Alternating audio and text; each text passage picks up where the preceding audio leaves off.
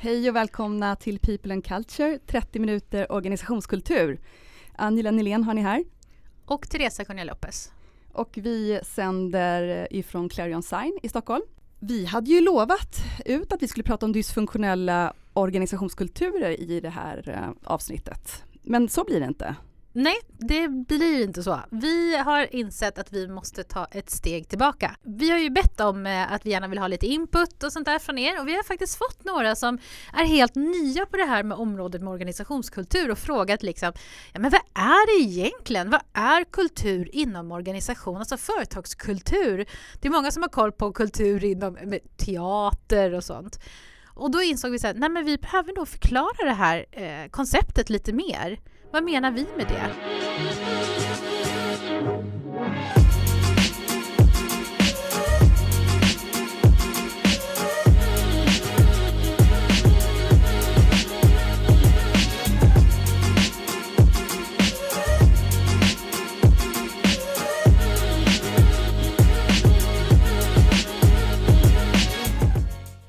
Organisationskultur är ju, det finns ju många namn på det, för, bara för att klargöra det. Så organisationskultur, företagskultur, arbetsplatskultur, det är egentligen olika namn för samma sak.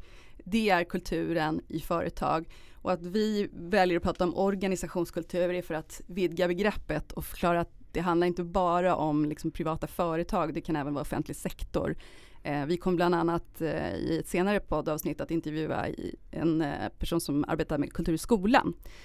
Så att bara för att liksom klargöra det, så att kulturen finns i alla typer av organisationer. För att definiera det så brukar man förklara det i forskningen som, man ska säga medarbetarens beteende, eller medarbetarnas, eller personerna i organisationen då, för att vara liksom väldigt vid, deras beteende eller agerande som har blivit, som tas för givet och på något sätt blivit en norm, alltså snarare en regel då i organisationen att så här gör vi, så har vi alltid gjort.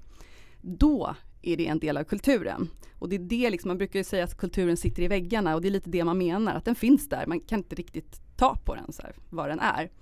Men det handlar ju om så som man i organisationen agerar. Så hur uppstår kultur? Jo, det börjar med en person som agerar på ett visst sätt. Den kanske fortsätter att agera på samma sätt så att det börjar bli en repetition hos den här personen. Sen kommer det in en annan person och två till. De ser att den här personen, ja men den gör ju så här. Det är klart vi också ska göra så. Och så börjar det här bli en gruppering snarare som gör en viss handling, agerar på ett visst sätt. Och sen så går det vidare till att ja men helt plötsligt så blir det som en oskriven regel att det är så här vi gör på företaget. Och Många kan undra liksom, men var, var, hur kommer det sig att det blir så här? Ja men det blir precis, det har blivit tillräckligt många som gör det och repeterar det här för att det blivit allmängiltigt för alla. En anledning till att det blir så, det är ju det här flockdjuret som vi är som människor. Vi vill gärna följa andra, eh, vi vill gärna passa in. Det är en överlevnadsinstinkt hos oss att passa in i grupper.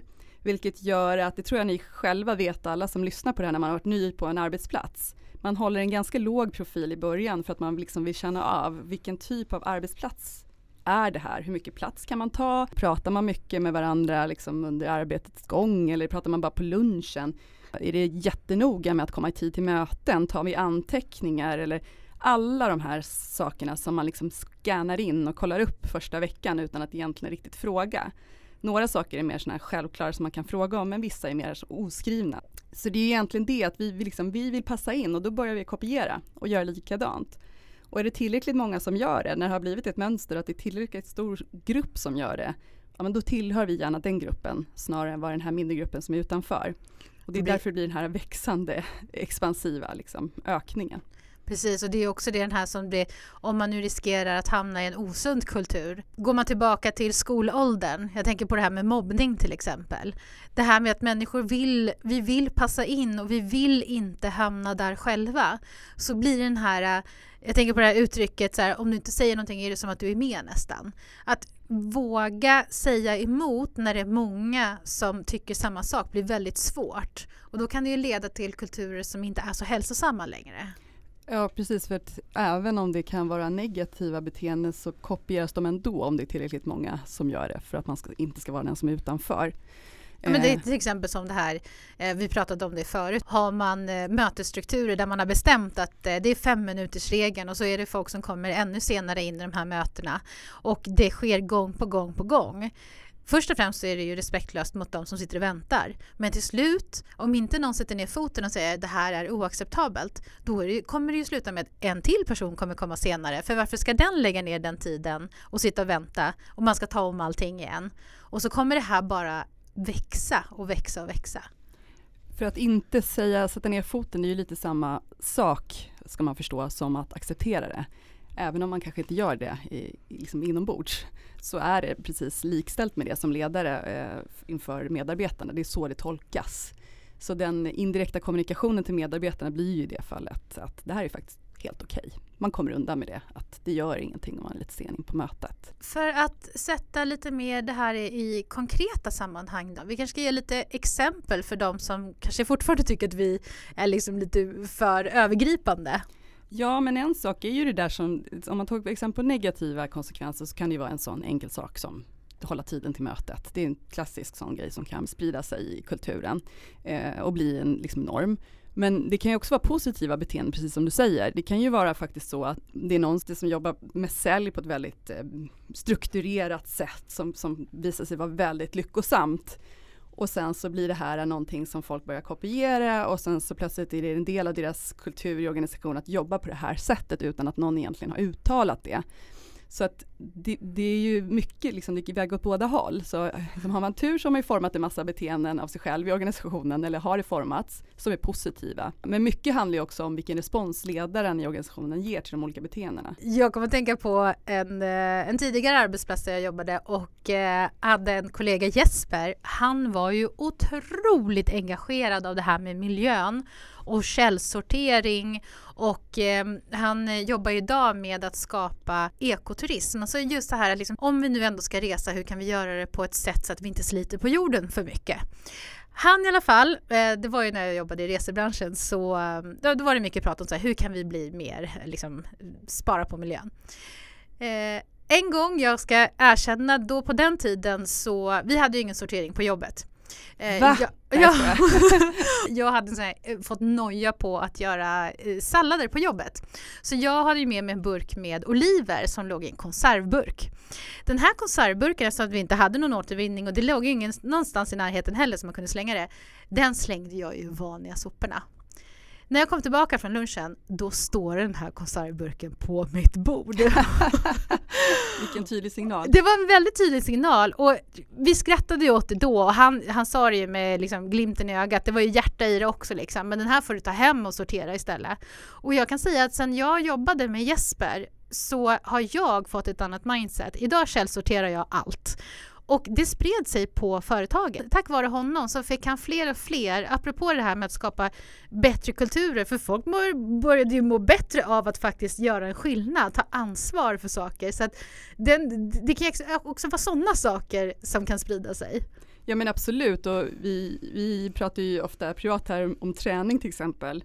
Eh, det är också en sån här klassisk grej att det börjar kanske någon eh, ny medarbetare helt enkelt i en organisation som är väldigt intresserad av träning och tycker det är viktigt och värdesätter det tar sig tid på lunchen och går och träna och sen så plötsligt tar han med sig, eller han med sig, en kollega som också tycker att det här är lite intressant. Och sen plötsligt är de tre eller fyra och det blir regelbundet, de gör här någon gång i veckan och det här sprider sig. Till slut så är det ju det en del av kulturen, det är ett mönster av handlingar som tas för givet att i den här organisationen, ja, då bryr vi oss om vår fysiska hälsa utan att man har satt upp någon, eh, någon ord på väggen som säger fysiskt välmående, mm. att det är en av våra värderingar. Mm.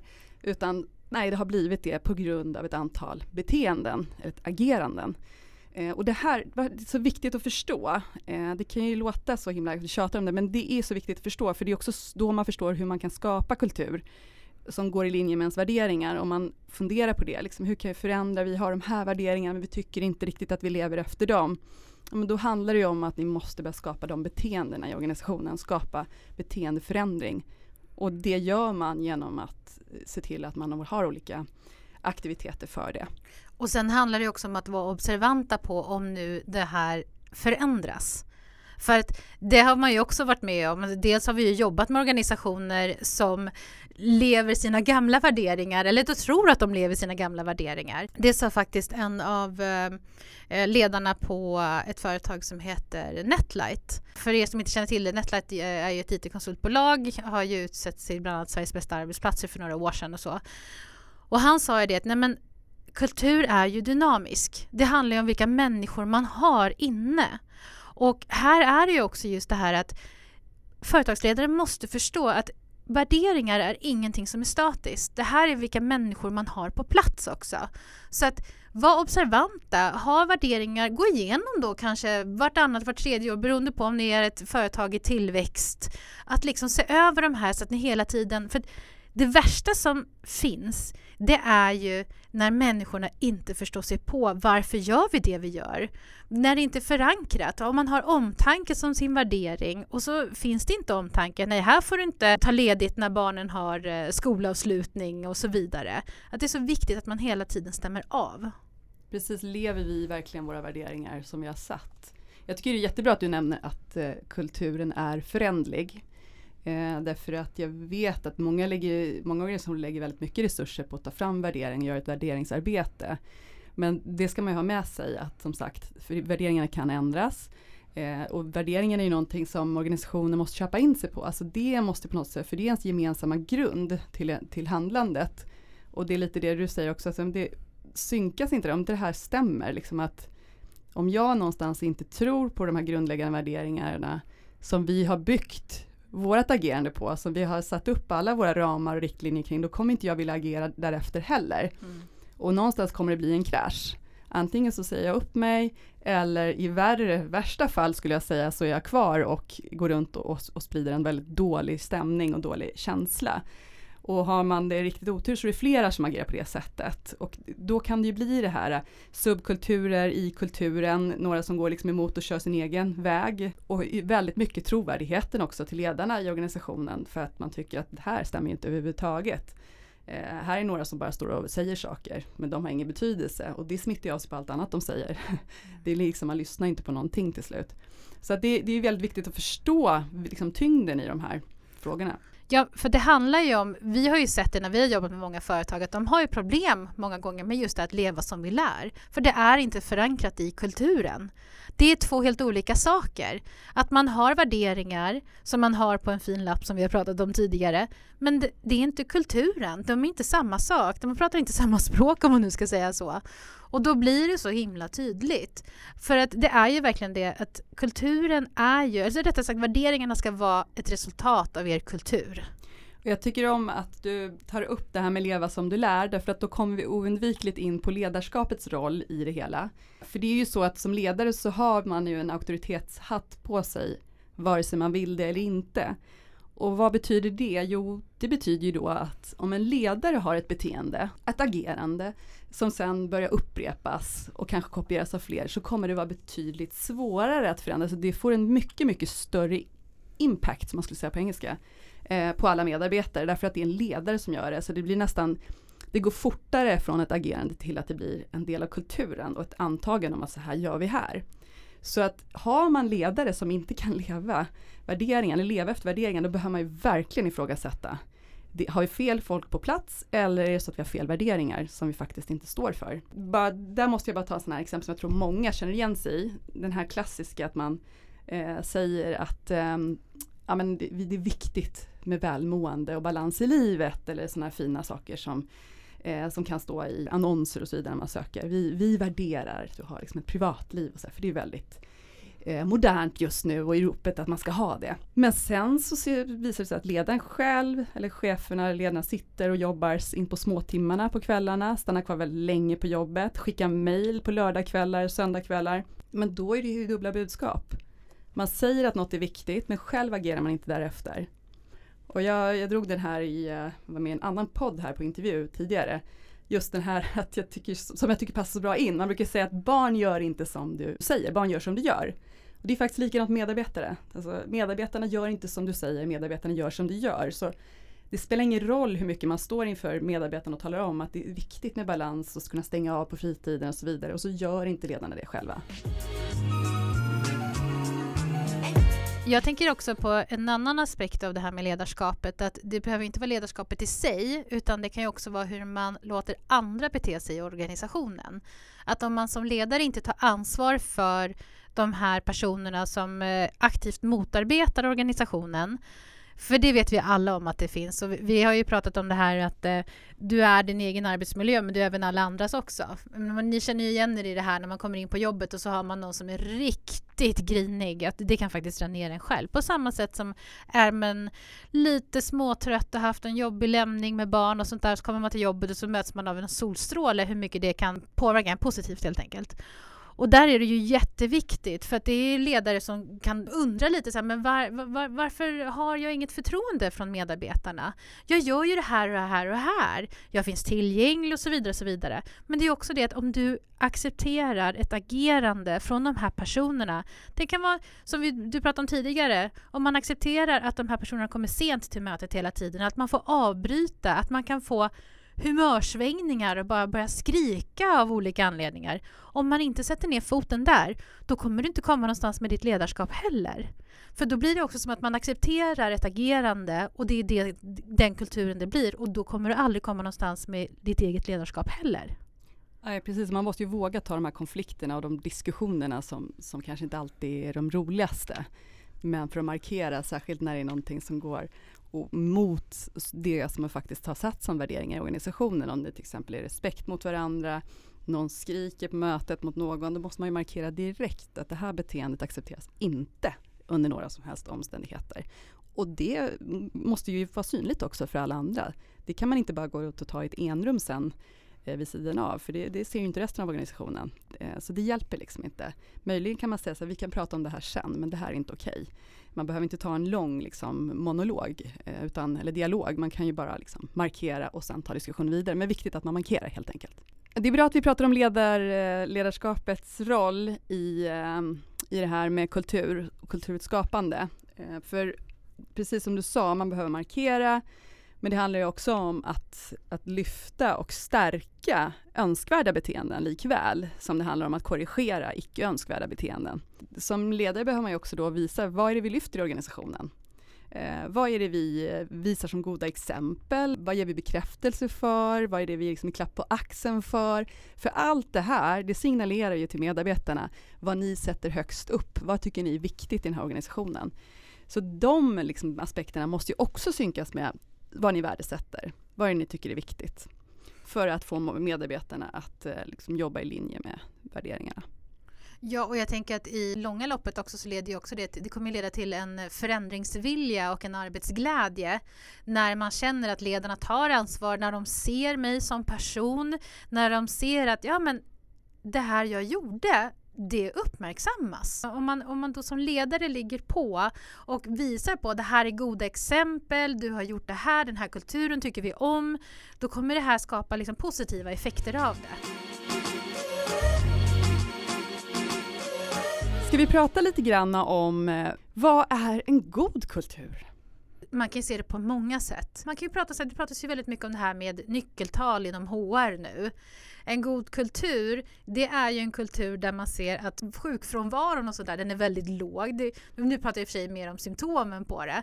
Men en god kultur, det är ju just det när medarbetarna känner att man vill bidra med det lilla extra. Och en god kultur, egentligen det det handlar om, det är ju strukturer och processer. Att man har liksom tagit ställning till vissa saker. Så här jobbar vi.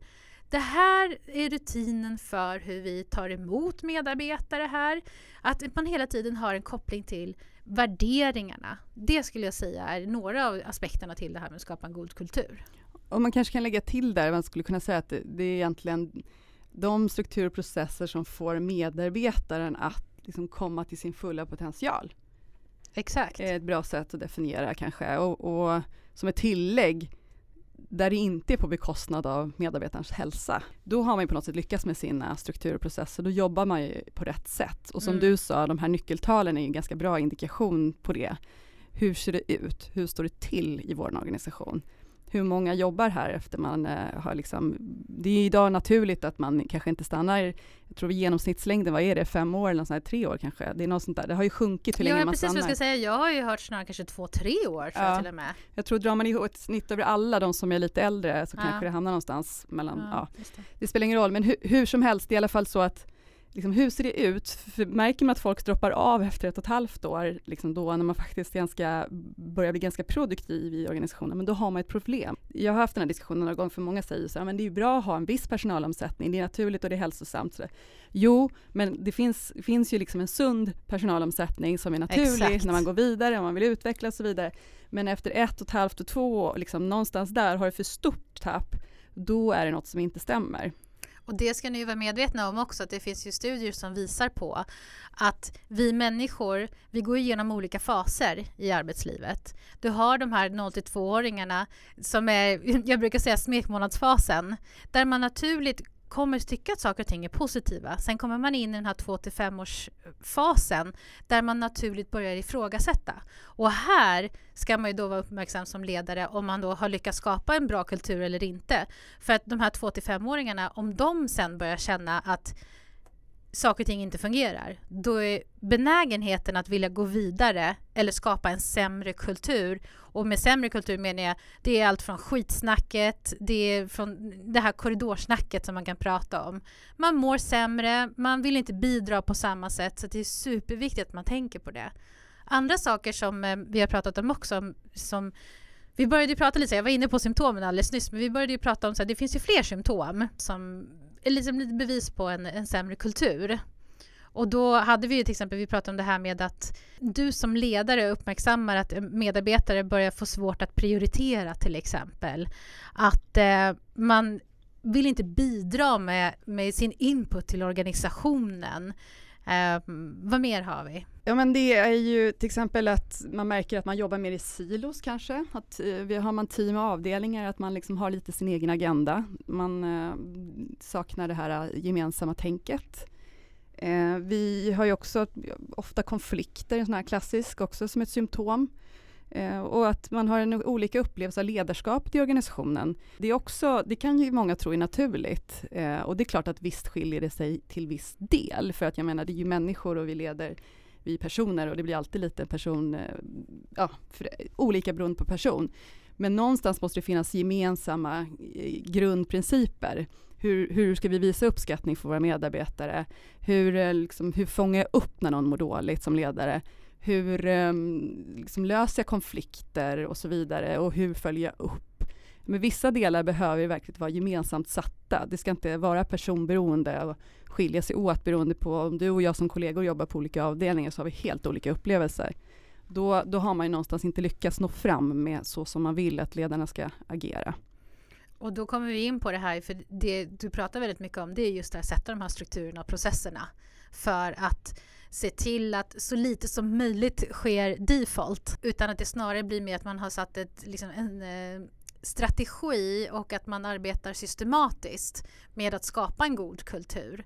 Och det, det kanske låter ganska hårt och tråkigt men det är mer, har ni det här, tänk lite som att det sitter i ryggmärgen. Att börja skriva de här strukturerna och processerna committa tillsammans med medarbetarna på det är så här vi arbetar. Då kommer det här sen skapa, det kommer sprida sig som att det här är våra kultur och då kommer det sitta i väggarna till slut det här med kanske sunda värderingarna och kulturen istället. Men man behöver arbeta med det på ett strategiskt sätt för att det sen ska kunna få leva. Det är som jag brukar säga att värderingar är ingenting man ska lära sig utan till. Det är någonting man ska känna som medarbetare och det tycker jag, har man lyckats väl så, så gör man ju det som medarbetare. Då känner man det i, i allt, liksom i sitt dagliga arbete, vilka som är ens, organisationens värderingar.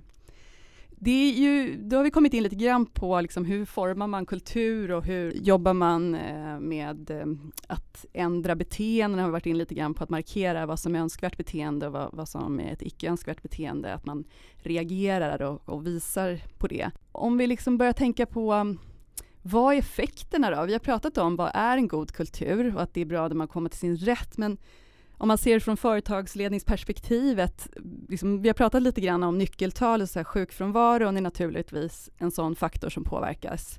Den går ju ofta ner då i organisationer med en väldigt bra, en god kultur.